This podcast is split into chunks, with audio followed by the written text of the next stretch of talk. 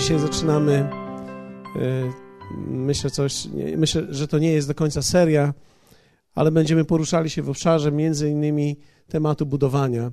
Dlatego, że ja wierzę w to, że my budujemy tutaj ciało. Budujemy kościół lokalny.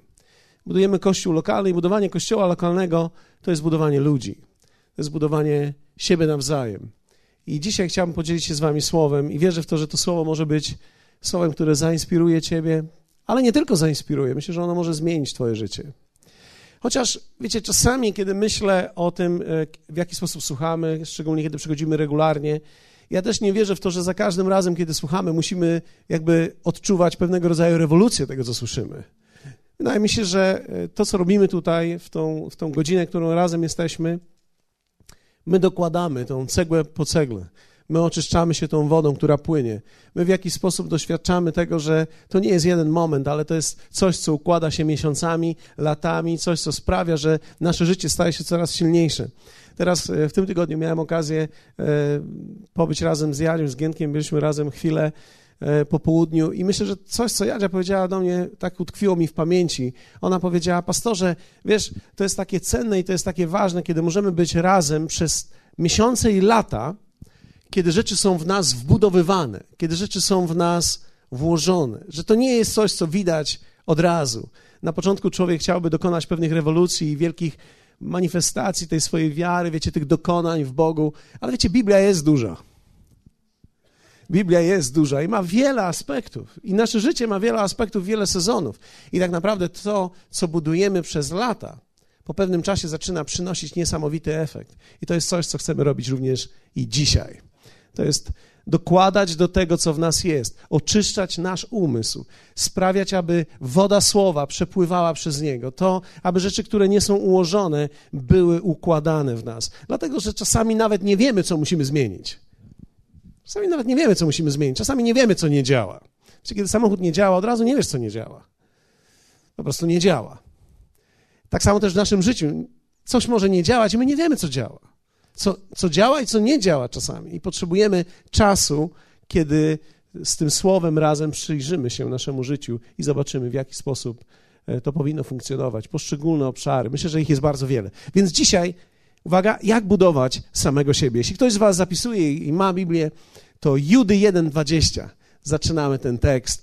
Wspaniały tekst, wspaniała, e, wspaniała księga. E, ja lubię takie księgi Biblii, bo to jest księga bardzo krótka. Jest to jedna z najkrótszych, chyba to jest najkrótsza księga. Nie wiem, jeszcze nie sprawdzałem, czy czasem trzeci Jana nie jest krótszy, ale jest to tak krótka księga, że Luther myślał, że nie jest kanoniczną księgą i że nie jest księgą natchnioną. Podważał jej ważność i przez kilka też nawet wieków niektórzy zastanawiali się, czy księga Judy w ogóle powinna być w Nowym Testamencie. W końcu jednak okazało się, że tak. Oczywiście wynikało to z kilku innych e, rzeczy, ale to nie jest teraz temat. Ale księga Judy jest fascynująca. Ten list Judy to jest taki naprawdę niesamowity list, bo został napisany mniej więcej w latach e, między 70 a 85 Chrystusa. Więc to nie jest list, który został napisany na świeżo do kościoła, który powstał, ale to jest list, który dos, do, został dostarczony do wierzących, którzy być może w Panu są już 10, 15, 20, niektórzy z nich 30 lat. W związku z tym, jak wielu z Was wie o tym, że to jest wielka różnica, kiedy Kościół ma rok, a kiedy ma 20 lat. Kiedy wierzący w danym miejscu, szczególnie w naszej sytuacji, możemy to powiedzieć, dlatego że my budujemy tak, nazwa, tak naprawdę pierwszą generację ludzi wierzących. Większość naszych rodziców to byli ludzie, którzy wierzyli tradycyjnie, ale większość naszych rodziców to nie byli nowonarodzeni wierzący. W związku z tym jesteśmy jakby pierwszym pokoleniem, które uwierzyło w Jezusa i przyjęło zbawienie poprzez nowe narodzenie. Więc teraz w pewnym sensie niektórzy z nas żyją z Panem rok, dwa, niektórzy kilka miesięcy, niektórzy pięć lat, niektórzy dziesięć, niektórzy piętnaście, niektórzy dwadzieścia, a niektórzy dłużej, tak jak ja. Już sześćdziesiąt pięć lat. Ja oczywiście przesadziłem trochę, ale kalkulacje sobie sami zrobimy. Więc teraz, e, wiecie, kiedy człowiek jest na świeżo, to wszystko inaczej wygląda. Kiedy, e, kiedy później przychodzi test życia i test społeczeństwa, w którym jesteśmy, zaczynamy widzieć, że tak naprawdę przechodzimy testy wiary i testy naszego życia, stylu życia, który został nam przekazany. Więc co weszło wtedy w tamtym chrześcijaństwie? Niewłaściwa filozofia, różnego rodzaju niewłaściwe doktryny, nieprawidłowi nauczyciele. Filozofia, z którą dzisiaj tak naprawdę mamy do czynienia. To miało wpływ na wierzących, ale również był to okres, gdzie ludzie po latach dawali się pomału ugotować. Wiecie, pamiętam jak ksiądz jeszcze na, na rekolekcjach tłumaczył nam, że tak naprawdę można ugotować żabę, tylko trzeba zacząć od zimnej wody. Trzeba zacząć od zimnej wody i zacząć ją podgrzewać. I ona tak myśli, że jest świetnie, że to jest jacuzzi, że to jest, że to jest naprawdę super, i za chwilę jest już za późno i jest ugotowana. Tak samo myślę też jest w życiu niektórych wierzących. Niektórzy wierzący myślą, że są w jacuzzi w tej chwili. A to, to nie jest jacuzzi, to jest podgrzewanie życia. Czyli można ugotować żabę. Gdy ją wrzucisz do wrzątku, być może, jeśli ten wrzątek nie jest aż taki wrzątek, być może udaje się wyskoczyć. Będzie trochę poparzona i skóra z zielonej zrobi się brązowa.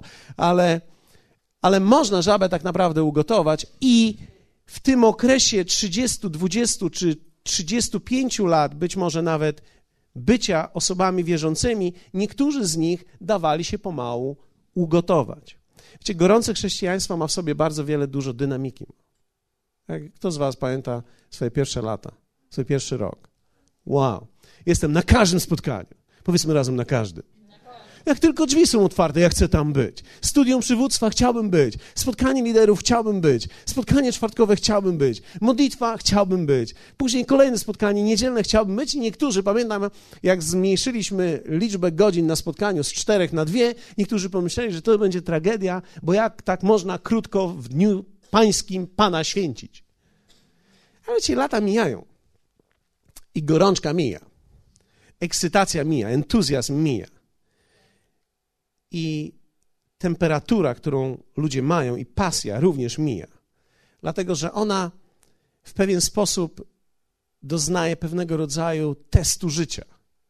Zaczynamy słuchać ludzi, zaczynamy słuchać innych ludzi, zaczynamy obserwować innych ludzi, zaczynamy widzieć, że niektórzy ludzie po latach gdzieś tam e, siedzą już z tyłu, rzadko przychodzą i w dalszym ciągu dobrze żyją, więc to nie jest taka znowu tragedia. Okazuje się, że nie jest taka tragedia nawet w ogóle nie chodzić w ogóle nawet nie uczestniczyć. To nie jest nawet tragedia, pół roku nawet nie być.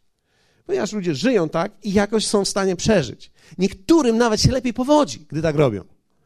W związku z tym to powoduje pewnego rodzaju zamęt w ludziach i zastanawiałem się, co w takim razie zrobić z taką sytuacją. Tymczasem w liście Judy, w pierwszym rozdziale, w wersecie 20, czytamy taki tekst, ponieważ Juda wiedział, pisząc ten list, że nie ma żadnego innego sposobu zewnętrznego, żeby wytworzyć pasję w ludziach, że nie ma nic tak naprawdę zewnętrznego, co jest w stanie ich na nowo odnowić, że tak naprawdę muszą zacząć od czegoś, co się nazywa budowaniem. I Judy 1,20 mówi tak, ale wy, umiłowani, i to wy to my, tak? Powiedzmy razem, wy to my, czyli, czyli my to ja. Ale wy, umiłowani, budujcie siebie samych w oparciu o najświętszą wiarę waszą. Zatrzymam się tutaj, dlatego że ten tekst dalej mówi: módlcie się w Duchu Świętym, ale tam też się nie kończy. Mamy kropkę, ale w oryginale nie ma kropki, jest przecinek i jest dalej tekst, który u nas jest wersetem 21, co też robi zmianę w kontekście tego całego tekstu, ale nie będziemy w tej chwili jakby koncentrować się na interpretacji całości, tylko na tym się skoncentrujemy. Ale wy, umiłowani, budujcie siebie samych. Okazuje się, że tak naprawdę to, co jest tą pasją, to, co jest temperaturą, to, co tak naprawdę może zmieniać nasze życie, niekoniecznie zawsze musi przychodzić z zewnątrz. Chrześcijaństwo zaczyna się w społeczności. Więc chrześcijaństwo zaczyna się w jakiś sposób w atmosferze. Chrześcijaństwo bardzo często to jest atmosfera ludzi wierzących. Jak wielu z Was e, odczuwa, że wiecie, przyjść tutaj w niedzielę teraz, to jest miód po prostu. Uwielbienie płynie, ludzie przychodzą, ludzie podejmują decyzje, później nie można się dopchać do kafeterii. Wiecie, to jest nieprawdopodobny miód, dla tego, co się tutaj dzieje w tej atmosferze, która tutaj jest. Fantazja. Ale jak wielu z Was wie o tym, że, że, że ta fantazja jest naszą chwilą przeżycia. I ona tak jak jest cenna i ważna i dobra i potrzebujemy jej, tak nie można na niej zbudować wszystkiego, dlatego że człowiek tak naprawdę podejmuje decyzje nie w tej atmosferze najczęściej, nie w tym momencie, kiedy jest wszystko dobrze, ale większość z nas w pewnym momencie życia zderzy się z życiem bez atmosfery, bez kościoła, bez muzyki, bez tych wszystkich rzeczy, kiedy jesteś sam, nic nie gra, a wszystko cokolwiek słyszysz, czy to co wymyśliłeś, w ogóle jakby nie jest spójne z Biblią. Jedne z największych decyzji, które człowiek podejmuje, nie są w ogóle otoczone organami. Hmm. W ogóle nie ma tej atmosfery. Wow. Przejdę to i przejdę tamto i przejdę wszystko. I wszyscy śpiewają, ty śpiewasz. Wiecie, ja myślę, że chrześcijaństwo e, na początku podobne jest do tego, co ostatnio widzieliśmy na stadionach. E, ostatnie mecze, widzieliśmy kilka urywków, jak ludzie wpadają. Ktoś z was był na meczu piłkarskim? Ja nie jestem kibicem, ale oglądam. Ja nie chodzę na mecze, ale oglądam mecze.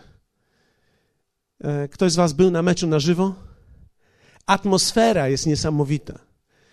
Moja Marta pojechała na mecz, mówi, ja fantazja, próbowałem do niej dodzwonić, ona krzyczy do mnie coś, ja próbuję jej coś wytłumaczyć, nie da się niestety nic, ani powiedzieć do niej, ponieważ wszyscy śpiewają, wszyscy krzyczą. Wiecie, tam śpiewają nawet ci, którzy nie umieją śpiewać. Tam krzyczą nawet ci, którzy normalnie nie krzyczą. I kiedy patrzymy na tych, którzy wybiegają i robią te wszystkie różne zamieszki, Wiecie, niektórzy z nich to są normalni, spokojni ludzie, ale w tym całym tłumie szaleją ze wszystkimi. Niektórzy z nich prawdopodobnie wybiegli na murawę i się zdziwili, co oni tam robią.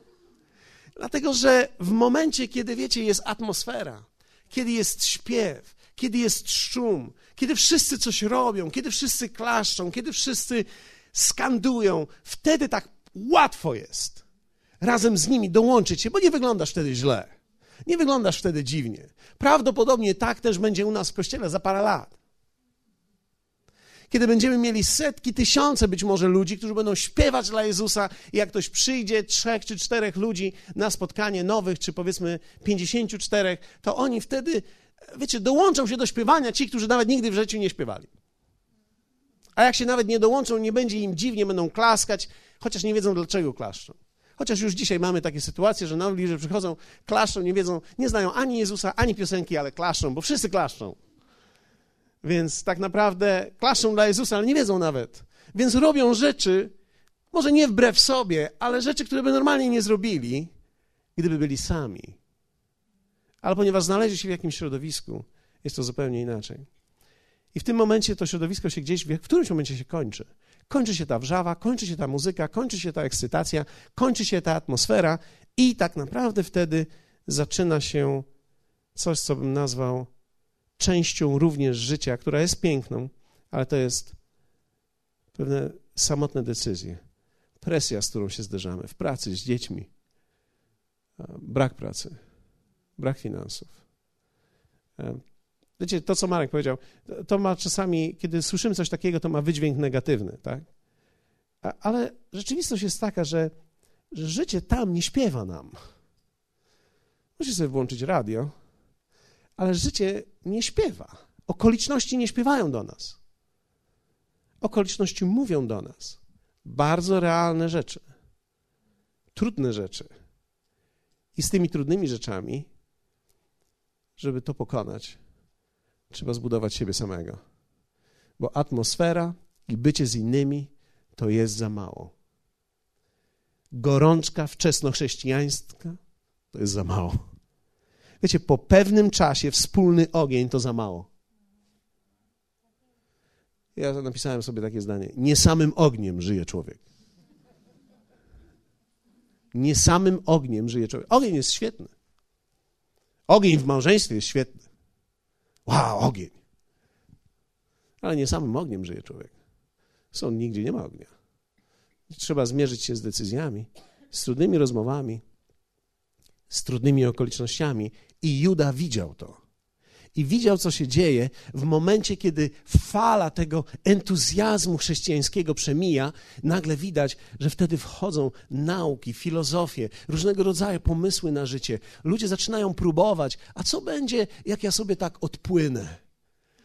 No, nic nie będzie, może. A może cię re, rekin zje? Tego nie wiemy. To jest po prostu 50 na 50. A może mi się uda. No i dwóm się udało, jednemu nie. I teraz, wiecie, ludzie próbują na różne sposoby. Jak daleko można odejść, żeby jeszcze nie zerwać? Jak, jak, kiedy to jeszcze jest świat, a kiedy to już nie jest świat, albo, albo odwrotnie? Kiedy, kiedy ta rzeczywistość to jest, że jestem chrześcijaninem, a kiedy nie jestem chrześcijaninem? Czy wypić piwo to jest chrześcijaństwo, czy wypić dwa to już nie jest chrześcijaństwo. Wiecie, jak daleko się człowiek może posunąć? I myślę, że każdy z nas podejmuje tego typu decyzje. Nie na spotkaniach, ale wtedy, kiedy jesteśmy w zaciszu swoich własnych domów, samochodów, kiedy jesteśmy w swoich własnych miejscach, być może zamknięci i zastanawiamy się w ogóle nad życiem. W wyniku czasu ludzie poddawani są różnym próbom. I Juda, wiedząc o tym, mówi tak. Juda nie pisał długiego listu, ale napisał potężne zdanie. Ale wy, umiłowani, budujcie siebie samych. Dlatego, że tak naprawdę w momencie, kiedy gasną światła, cichnie muzyka i koniec jest atmosfery, to, co zbudowałeś wewnątrz, zacznie działać. To, co zbudowałeś wewnątrz siebie, będzie działać. I w pewnym sensie powiem tak, tak jak ja lubię atmosferę, tak jak lubię nasze niedziele, tak jak lubię te, wiecie, ten cały wir chrześcijański, słyszeć o tych wspaniałych rzeczach, tak jestem świadomy, że życie, z którym się zderzamy po latach, nie śpiewa do nas.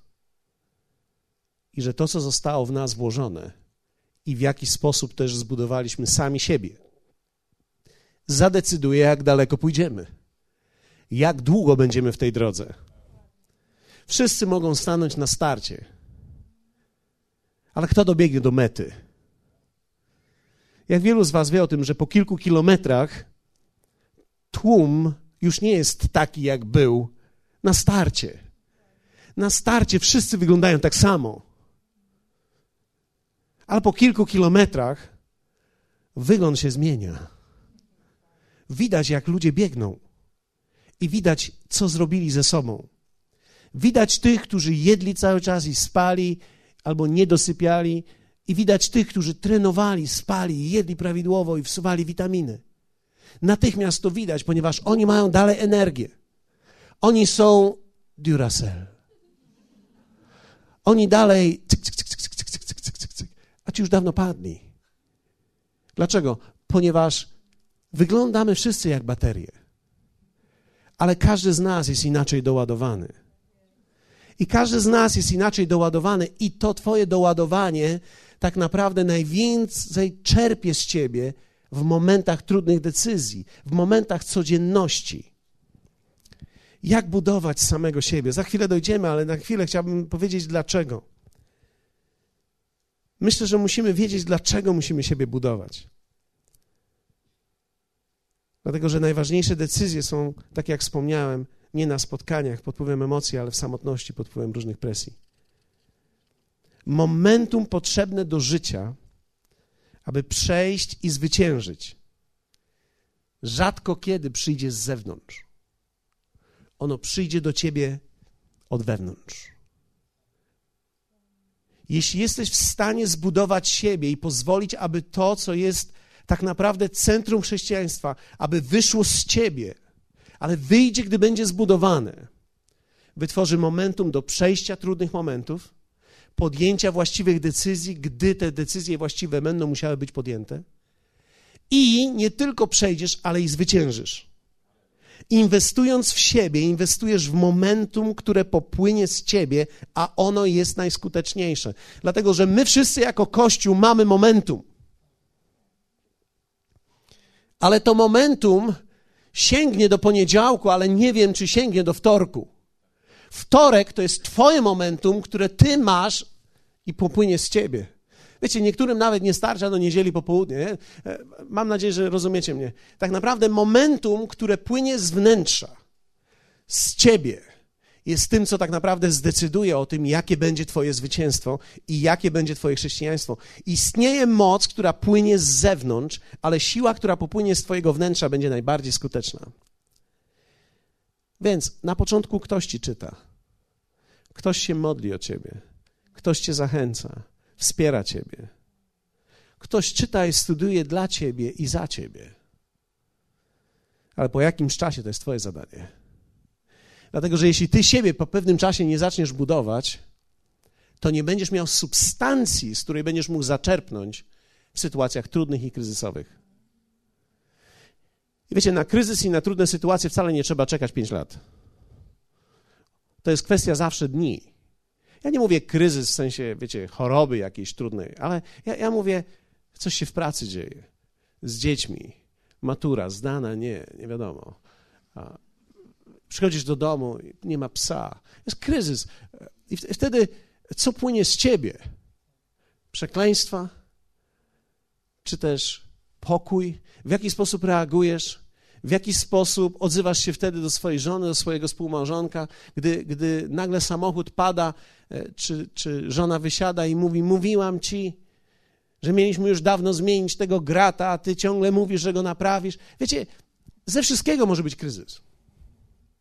Człowiek tak naprawdę nie potrzebuje, żeby kryzys do niego przyszedł. Człowiek jest w stanie go sam wytworzyć, ponieważ momentum, które mamy tutaj i atmosfera nie jest w stanie nas powstrzymać przed wytwarzaniem negatywnych rzeczy czasami i zderzeniem się z kryzysem.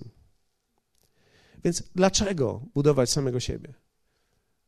Bo nikt za ciebie ciebie nie zbuduje. Jeśli nie będziesz siebie budował i będziesz polegał na tym momentum zewnętrznym, które jest, zginiesz. Zginiesz. Chcę, żeby usłyszeli to ci, którzy jadą teraz samochodem. Jeśli. Jeśli to momentum to jest tylko momentum spotkania, to jest za mało. Dlatego to, że słucha człowiek w tym momencie w samochodzie, to znaczy, że inwestujesz coś poza, słuchasz poza. Nie jesteś tylko w tym momencie, kiedy, kiedy, kiedy jesteśmy wszyscy razem i ktoś czytał dla ciebie, ale ty studiujesz. Być może słuchasz tą płytę po raz kolejny. Dlatego, że jeśli człowiek sam nie zainwestuje w siebie, nikt w ciebie nie zainwestuje. Wiecie, ludzie w ciebie zainwestują kawę i ciasto, ale to umrzesz od tego. Dobrze jest zjeść i wypić. Salomon pisał o tym, ale to jest za mało. Ty musisz zainwestować w siebie, w swoje życie. Na wiele oczywiście płaszczyzn to się rozkłada, ale jeśli ty nie zainwestujesz w siebie, nikt w ciebie nie zainwestuje. Nawet rodzice mogą zainwestować w nas pieniądze, ale nie zainwestują w nas tych rzeczy, które są nam potrzebne. Więc dlaczego? Bo nikt tego za ciebie nie zrobi. A po co? Jeszcze jest pytanie. Bo jeśli nie zbudujesz niczego wewnątrz siebie, to prawdopodobnie nie znajdzie się wystarczająca liczba ludzi, aby cię donieść do twojego miejsca powołania, przeznaczenia czy zwycięstwa. Ludzie cię nie doniosą. Do zwycięstwa, do mety dobiegamy sami. Ludzie cię poniosą na początku, ale cię nie doniosą do końca. Inaczej nie byłbyś zwycięzcą. Zwyciężanie to jest, to będzie twój krok. To będzie twój krok, to będzie twój pot, to będzie twoje zwycięstwo. I to będzie Twój wieniec. Twój wieniec. Twoje zwycięstwo. Po co inwestować? Bo powołania nie odkryjesz, jeśli nie zbudujesz siebie, bo nie wejdziesz w swoje przeznaczenie, jeśli nie zbudujesz siebie, i nie zwyciężysz, jeśli nie zbudujesz siebie. Oczywiście, że potrzebuję ludzi, potrzebuję pomocy, potrzebuję zachęty. Ja też. Ale nikt nie dojdzie tam, gdzie ja idę za mnie. Jesteście? Twoja inwestycja w siebie sprawi, że przestajesz być, my przestajemy być szpitalem i stajemy się armią. Wiecie, niektórzy myślą, i, i, ja słyszałem takie wizje Kościoła, że jesteśmy, wytworzymy atmosferę, gdzie wszyscy chorzy mogą przyjść do nas. I ja wierzę w to, że ludzie przychodzą chorzy, ale chorzy nie mogą pozostać. Dlatego, że w Bogu nie ma nieuleczalnej choroby. Ja nie chcę, żeby ktokolwiek z Was, nie chcę jako pastor, pogodził się ze swoją chorobą, nazwał ją nieuleczalną i nam powiedział, że mamy ją zaakceptować. Bo jej nie zaakceptujemy. To, że się pyzisz co dwa tygodnie, nie zaakceptujemy tego. Hallelujah. My cię akceptujemy, jak się będziesz pyził. Cokolwiek to znaczy. Wymyśliłem to w tym momencie, nie mam tego w notatkach. My zaakceptujemy, że się będziesz pyził rok, dwa. Ale jak się będziesz pyził po pięciu latach, to ciało, które będzie zdrowe, zacznie cię wypychać. Bo albo ty będziesz podlegał procesowi przemiany i uzdrowienia, albo zostaniesz wypchnięty z ciała. O ile dobrze rozumiem ciało, z ciała wychodzą rzeczy tylko. Okej, okay, dobrze. Nie. Ja. Więc, nie, proszę? Tak, niepotrzebne rzeczy wychodzą. Więc stań się budulcem, zainwestuj w siebie. Zainwestuj w siebie, dlatego że oczywiście, że akceptujemy różnego rodzaju pomysły na życie niewłaściwe i że teraz ten człowiek przychodzi z takim życiem. My, my rozumiemy, że ludzie przyjdą tacy, gdzie e, masz pięciu mężów, a tym, z którym jesteś, to nie jest twój mąż. My rozumiemy to. Ale po pięciu latach my chcemy, żebyś miała męża, my chcemy, żebyś miała dzieci, my chcemy, żebyś była normalna. Tak? Bo jeśli po pięciu latach chrześcijaństwa masz teraz siódmego, a ten, z którym teraz jesteś, dalej nie jest twoim mężem, to nie jest dobrze. Bóg pragnie, abyś zainwestował w siebie i budując samego siebie, stawał się filarem, świadectwem, pomostem, wskazówką dla ludzi wokół ciebie. Ja wierzę w to, że każdy zdrowy wierzący jest w stanie ponieść innych ludzi Ja wierzę w to, że każdy powinien mieć ambicję, że ja chcę pomóc innym ludziom. I większość z nas nie pomoże być może setkom, tysiącom ludzi, ale pomożemy pięciu ludziom, a tych pięciu ludzi, każdy z nich pomoże pięciu ludziom, a każdy z tych pięciu ludzi pomoże pięciu ludziom. I wiecie co? Okazuje się, że jeden człowiek rozpoczął tak naprawdę przemianę społeczną po latach pokolenia będą mówić o nim, ponieważ on coś rozpoczął. I Bóg chce, żebyś to był ty. I teraz, abyś ty mógł to zrobić, musisz budować samego siebie. Po co budujesz samego siebie? Aby zwyciężyć i aby pomóc innym ludziom, aby stać się filarem. Inwestując w siebie, inwestujesz w swoje zwycięstwo w życiu, w zwycięstwo swoich dzieci. Wiecie, jak chcę zwyciężyć? I to zwycięstwo podobało mi się, jak Paul Scanlon pokazywał, to zwycięstwo nie musi być nawet piękne. Jak ja dobiegam, jak ja dobiegam do mety, ostatnio, ostatnio e, w sobotę poszedłem pobiegać i pomyślałem sobie, skoro jest sobota i skoro biegam na, na terenie eleganckim, a czas mnie nie goni, zrobię sobie troszeczkę większy dystans. I jak zacząłem robić ten większy dystans, oczywiście miałem 50 wymówek, że jednak to nie ten dzień. Wiecie, człowiek zanim zacznie coś, to myśli, że może zrobić bardzo wiele, a jak już tak jesteś w połowie, to już tak myślisz sobie, chyba dzisiaj jednak nie. I zacząłem wmawiać sobie, że jednak jestem dzisiaj zmęczony i że jednak miałem trudny tydzień i, i w końcu pomyślałem sobie, nie, dobiegnę. Ja wiecie, kiedy dobiegłem, nie, nie powiem wam, jaki to był dystans, bo dla większości z was to jest drobiazg. Ja mówię, ja nie jestem, to, to, to co ja robię, to jest terapia, nie wyczyn. więc, więc kiedy dobiegłem, ja wyglądałem źle. Ja, wygląd... ja myślę, że mi tak ślina ciechła. Zgrzany byłem. Mam taką nieelegancką czapkę, że jak biegam w tej czapce, wszystkie dzie... moje dzieci się śmieją, jak w niej wyglądam. Jak ją tylko nakładam, wszyscy się śmieją. Niby to jest Adidas, ale tak jakoś skonstruowany, że nie wygląda w ogóle nawet na Aditos. I, i, i, i, i słuchawki mi już spadły, i, i, i Blunt przestał śpiewać, i, i wyglądałem źle. Na szczęście nikogo nie było. Ja tak dobiegam. Wyglądałem źle. Ale pomyślałem sobie, nie ma znaczenia, jak wyglądam. Nie ma znaczenia, co mi opadło i, i, i co mi wypadło w, w trakcie. I nie, nie ma znaczenia, że nie mogę złapać tchu i nie ma znaczenia, że nie chciałbym, żeby ktokolwiek mnie teraz zobaczył. Dobiegłem. I czasami Twoja walka, i Twoja bitwa, i Twoje zwyciężanie to nie musi być wcale eleganckie że ty wbiegasz tak, jakbyś dopiero wybiegł. Dalej, uczesany w makijażu, prawda? jak niektórzy, którzy ze mną biegali. To nie był bieg, to był taniec. Ja myślałem, że oni nie biegną, oni tańczą cały czas. Jakkolwiek, jakkolwiek to by też nie był za mały dystans dla nich. Ale po co? My, my biegniemy dla naszych dzieci. Tak sobie pomyślałem, ja biegam dla naszych dzieci. Być może to, że biegam, pomoże to mi, żebym lepiej myślał, żebym lepiej coś rozumiał. Trochę tej adrenaliny męskiej wychodzi ze mnie wtedy, bo tak człowiek jak, jak biegnie i się zmęczy, to, to nie ma pomysłów na głupie rzeczy wtedy. Wiecie, to, to pomaga na wiele spraw ale biegnę, że może serce trochę lepiej pracowało, może o te parę dni dłużej.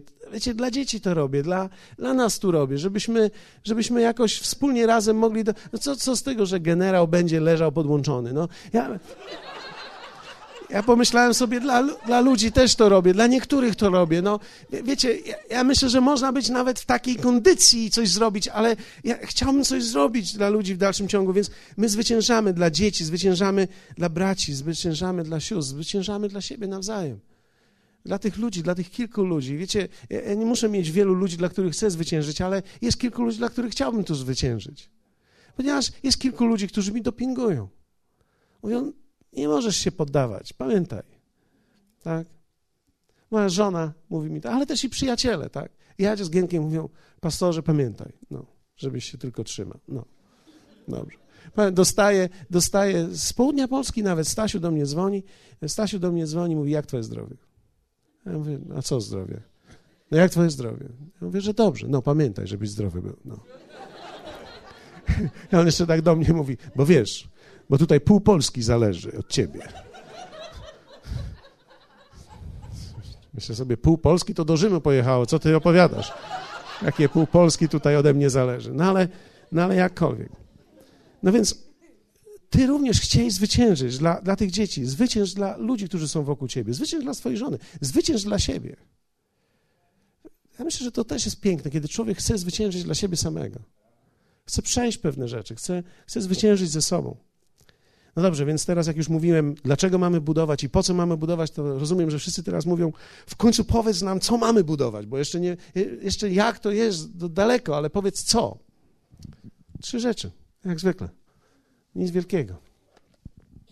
Pierwsza rzecz, którą budujemy w życiu, bez której nie ma chrześcijaństwa.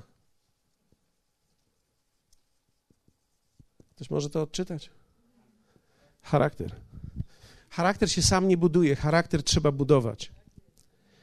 Przypowieści 16:32 słowo mówi tak: Więcej wart jest cierpliwy niż bohater, a ten, kto opanowuje siebie samego, więcej znaczy niż zdobywca miasta. Wiecie, to nie jest potrzebne, kiedy jesteśmy w grupie. W grupie my wiemy, to się śpiewa, nawet ten, co nie śpiewa, śpiewa i krzyczy ten, co nie krzyczy nawet. Charakter jest potrzebny, gdy nikt na mnie nie patrzy. A takich momentów w życiu mam najwięcej. Nikt nie jest w stanie wejrzeć do mojego serca. I ja muszę umieć budować mój charakter. Większość z nas, gdy przychodzimy do Chrystusa, wyglądamy jak podziurawiony szlauf. No to jest obraz naszego charakteru. Więc z jednej strony dziura jest w tą stronę, lecieć ma woda tam, ale jest podziurawiony, więc sika na wszędzie. Tylko nie tam.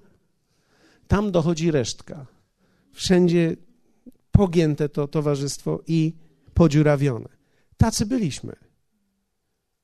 Kto z was taki nie był? Wiecie, charakter to jest umiejętność koncentrowania swojej siły na miejsce, które chce. A jak wielu z Was wie o tym, że my czasami tracimy siłę na rzeczy, które my nie wiemy, że tam cieknie? My wiemy, że tam cieknie, nie wiemy nawet, jak to zatkać. Różnego rodzaju nałogi, różnego rodzaju słabości. Charakter. Kto z Was obiecywał sobie, że wieczorem już nie będzie jadł?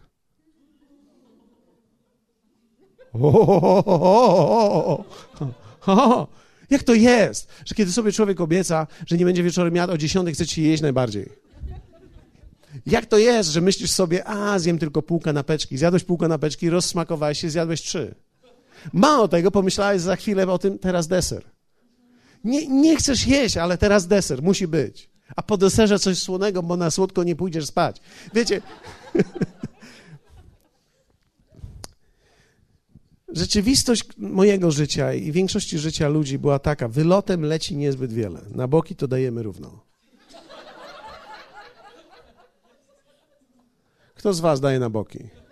No nie, nie podnoście ręki, bo to nie, niektórzy. Ale i niektórzy się zastanawiają, mówią tak, no ile by tego chrześcijaństwa nie wpompował, to nad dziurkami na boki leci, bo, bo chrześcijaństwo, bo charakter trzeba budować. Trzeba pomału dziury zatykać. Nie da się zatkać wszystkiego naraz, nie da się kabla wymienić. No nie jesteś w stanie umrzeć i jeszcze raz się narodzić. Ty swój charakter, siebie, swoją duszę masz już taką. Nowy człowiek w tobie jest. Nowy. Ale teraz mocą tego człowieka zatykamy pomału te rzeczy, które w nas nie działały. Te myśli, które mieliśmy, te nałogi, które mieliśmy. Pomału lepimy to wszystko. Wyglądamy na koniec trochę polepieni. Apostoł Paweł mówi, że nosi stygmaty na sobie. Inaczej mówiąc, to, że jesteśmy polepieni, to żaden wstyd. To, że jesteśmy poskręcani w różnych miejscach, żeby nie ciekło, to żaden wstyd. Bo nam chodzi o to, żeby strumień płynął we właściwą stronę, w którą my chcemy, i charakter trzeba budować. Trzeba budować też wiedzę. To jest druga rzecz. Za chwilę powiem jak. I pójdziemy do domu. Wiedza. Wiedza. Jak wielu z Was wie o tym, że w tłumie nie trzeba wiedzieć? Wystarczy, że się milczy i mówi się amen i wszyscy tak samo wyglądamy. Amen? Ja nie lubię tego słowa i takiego powtarzania, bo to dla mnie jest strasznie jakieś mało kreatywne. Ale, ale kiedy człowiek milczy, wygląda na mądrego. Życie, życie wymaga od nas odpowiedzi. I odpowiedź nie jest już milczeniem. Dlatego wiedza jest to poszerzanie obszaru działania. Jest to narzędzie do dokonywania niesamowitych rzeczy. Kiedy człowiek nie wie, nie może właściwie działać. Kiedy nie wiesz, nie działasz. Dlatego wiedza to nie jest coś, co jest niepotrzebne. Wiedza jest potrzebna, tylko dana wiedza jest potrzebna. Wiecie, to, co często my uczymy się w szkołach, dlaczego nie lubimy szkoły? Bo my uczymy się bardzo wiele rzeczy, które do końca nie są potrzebne. Dlatego, że u nas zaliczyć, tak? Zapomnieć, o to właśnie chodziło.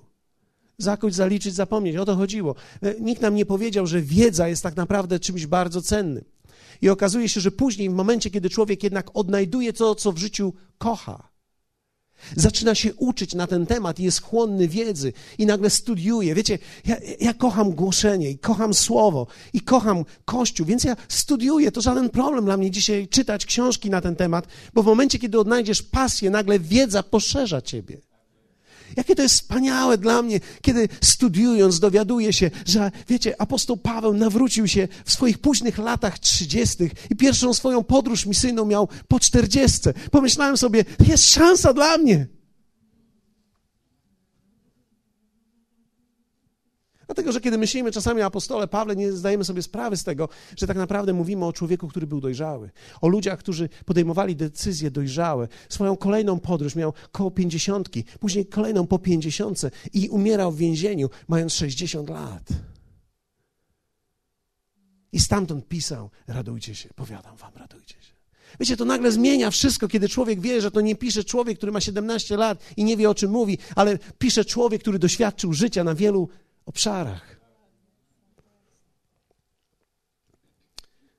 Mądrość to umiejętność gromadzenia właściwej wiedzy i umiejętność jej wykorzystania.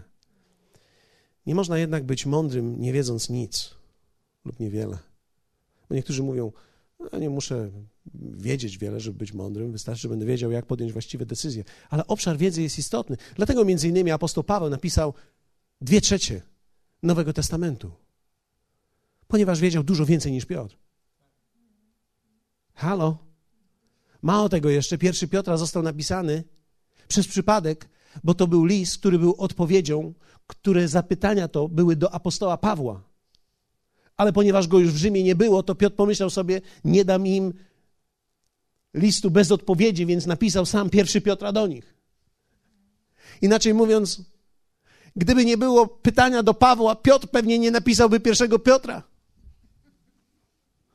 Dlaczego pytali Pawła? Bo Paweł wiedział dużo. Bo Paweł miał poznanie, siedział w szkołach i uczył się od najlepszych filozofii, zrozumienia, polityki. On rozumiał życie. Dlatego tak pięknie opisywał to życie. Miał genialną filozofię życia, bo miał wiedzę też. Wiedza nie przyjdzie przez leżenie przed telewizorem i, i oglądanie e, seriali. Dziękuję Wam za entuzjazm. Wiecie, brak rozwoju wiedzy to pogodzenie się ze stanem, w którym się znajduje. Kiedy człowiek przestaje już szukać, czytać, przestaje tak naprawdę rozwijać się, bo się pogodził z tym, że już nigdy więcej, nic więcej nie będzie w jego życiu. Myślę, że nikt nie powinien, żaden wierzący, dojść do takiego stanu, że już nie czyta, nie rozszerza siebie. Potrzebujemy tego. Potrzebujemy książek na różne tematy. Niektórzy mówią, ja to lubię czytać tylko o finansach. Dobrze, nie możesz przez 20 lat żyć tylko w finansach. Poczytaj coś o dzieciach, bo już masz i niedługo wyjdą z domu. E, pójdź na spotkanie mentorskie. Jesteście ze mną? To jest bardzo ważne. Zobaczcie. Wiedza najwolniej przychodzi przez życie. Ci, którzy jej nie zdobywają sami, skazują się na ten stan, w którym są. Brak rozwoju wiedzy to pogodzenie się ze stanem, w którym się znajduje. Dlatego niebezpiecznie jest myśleć, że się wszystko wie. W przypowieści 24:5 czytamy: Człowiek mądry więcej potrafi niż mocny, a mąż światły więcej niż silny. Jestem wdzięczny Bogu za wszystkie książki, które dostałem. Jestem wdzięczny za Tonego Millera, który mi mówił: Paweł, czytaj. Jestem wdzięczny za to, że ktoś do mnie mówił: czytaj nie tylko książki protestanckie, ale wszystkie książki czytaj. Żebyś przynajmniej wiedział, co mówi, myślą inni, dlaczego tak myślą. Wiecie, to jest niesamowite, dlatego że jeśli człowiek żyje w czymś i nie ma żadnego nawet wyboru, nawet nie wie, dlaczego podejmuje daną rzecz jako wybór swój. Dziękuję Bogu za tych ludzi, którzy mnie przycisnęli do tego. I dzisiaj e, ja chcę Was nie przyciskać, ale zachęcić do tego. Bądź głodny wiedzy. Księgarnia to nie jest punkt, gdzie możemy pogadać sobie tylko. Też, ale. Albo idziesz i tylko pytasz, czy jest jakaś muzyka, bo, bo chcesz tylko muzykę. Muzyka to za mało. Nawet kazania to za mało. Przypowieści 26-12 czytamy, gdy widzisz człowieka mającego się za mędrca, to więcej nadziei jest dla głupca niż dla niego. Więc kiedy widzisz człowieka, który mówi, że on wie, ja, ja już wiem, ja już wiem, to już nie jest dobrze. Głód wiedzy to głód życia. Człowiek, który się rozwija, chce wiedzieć. I trzecia, ostatnia rzecz, którą rozwijamy i budujemy w sobie, to jest postawa.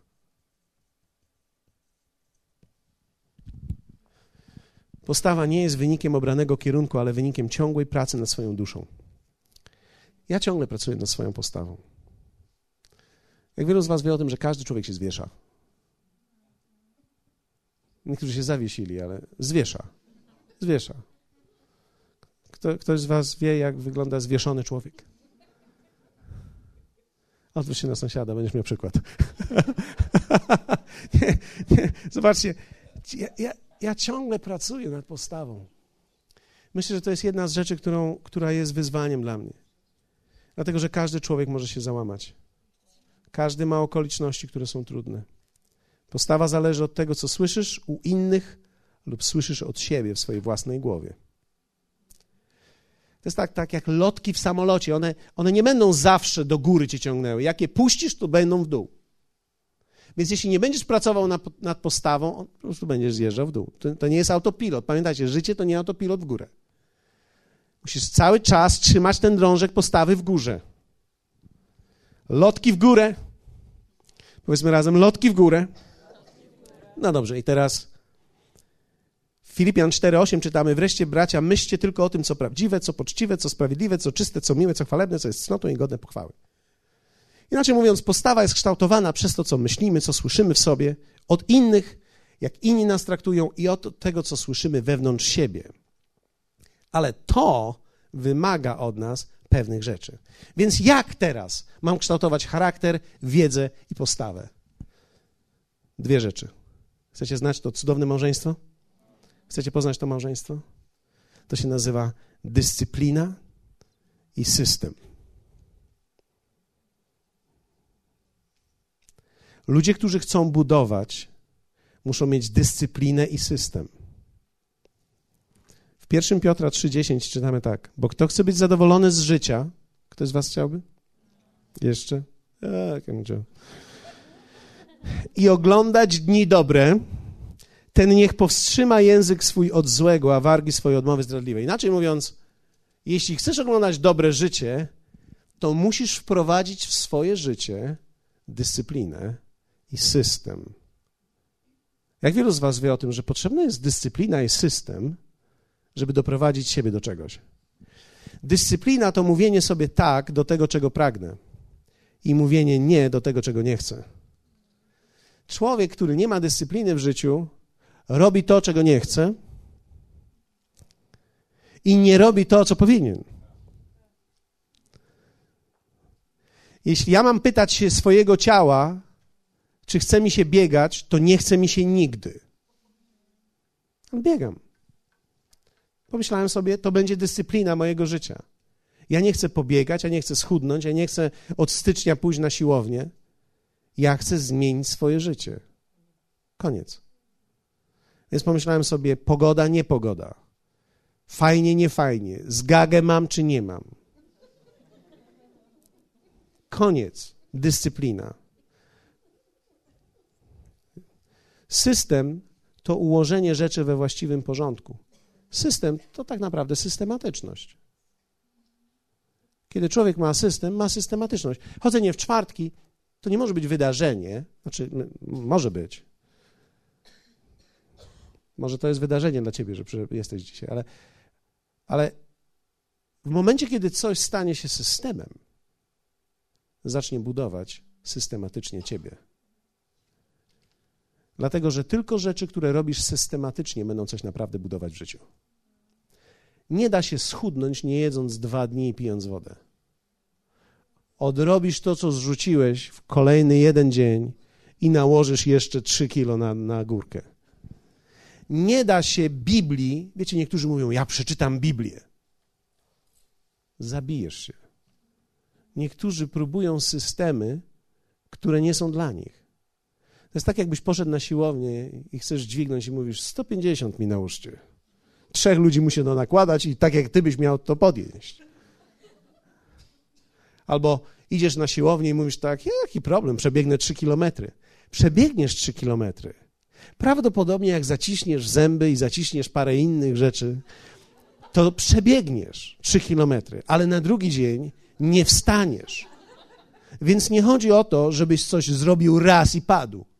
Chodzi o to, żebyś utrzymał coś w obszarze przyjemności, żebyś wrócił do tego. Ja, ja w końcu już będę czytał Biblię, teraz będę już godzinę dziennie czytał. Nie rób tego, zabijesz się. Zabijesz się. Większość ludzi nie umie dostosować systemu do miejsca życia, w którym są. A to już jest mądrość. Jak wielu z Was też kiedyś o tym powiedział, o systemie i dyscyplinie. Myślę, że to warto jest jakby wspomnieć na ten temat. Ale to jest coś, co dzisiaj chciałem przekazać Wam. Mam nadzieję, że to było znaczące i ma jakiś sens. Wstańmy razem. Ojcze, dziękuję Ci za to, że możemy ufać Tobie w każdym czasie. I proszę Ciebie o każdą osobę dzisiaj, aby podjęła w sobie decyzję, abyśmy chcieli budować charakter, wiedzę i postawę poprzez dyscyplinę i właściwy system naszego życia. Proszę Cię, Ojcze, o mądrość dla ludzi tutaj. Daj im właściwą mądrość, aby mogli wziąć ten system. Proszę Ciebie, aby, aby wiedzieli, jak mają nawet czytać, co mają zrobić w poszczególnych obszarach swojego życia. I dziękuję Ci za to, że Ty dałeś nam nowy charakter. Także nikt z nas nie może powiedzieć, mam słabą wolę. Tak, mój szlauf przecieka na wielu miejscach, ale ja go pozaklejam. Dziurkę po dziurce. Tak, że będzie płynęła ta woda, która jest we mnie, do określonego właściwego miejsca, które chcę. I będę skuteczny w moim życiu, dojdę i zwyciężę.